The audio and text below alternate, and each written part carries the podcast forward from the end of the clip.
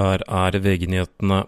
Mannen i 20-årene som er siktet for å ha drept sin yngre bror i Lørenskog, er tidligere dømt for grov forsikringsbedrageri. Broren ble funnet død med skuddskader i en leilighet i Lørenskog fredag. Den siktede ble i dag varetektsfengslet i fire uker. Han er også tidligere dømt for å ha stukket fra stedet etter en trafikkulykke.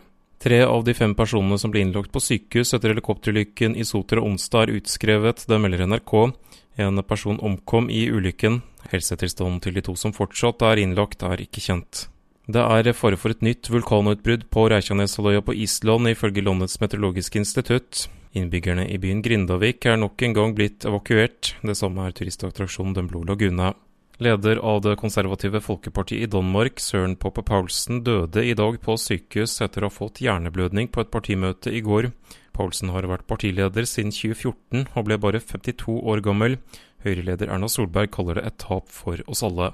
Tre amerikanske fly har i dag sluppet nødhjelp over Gaza-stripen, det melder Ap. Leveransen skal ifølge nyhetsbyrået ha inneholdt rundt 38 000 måltider.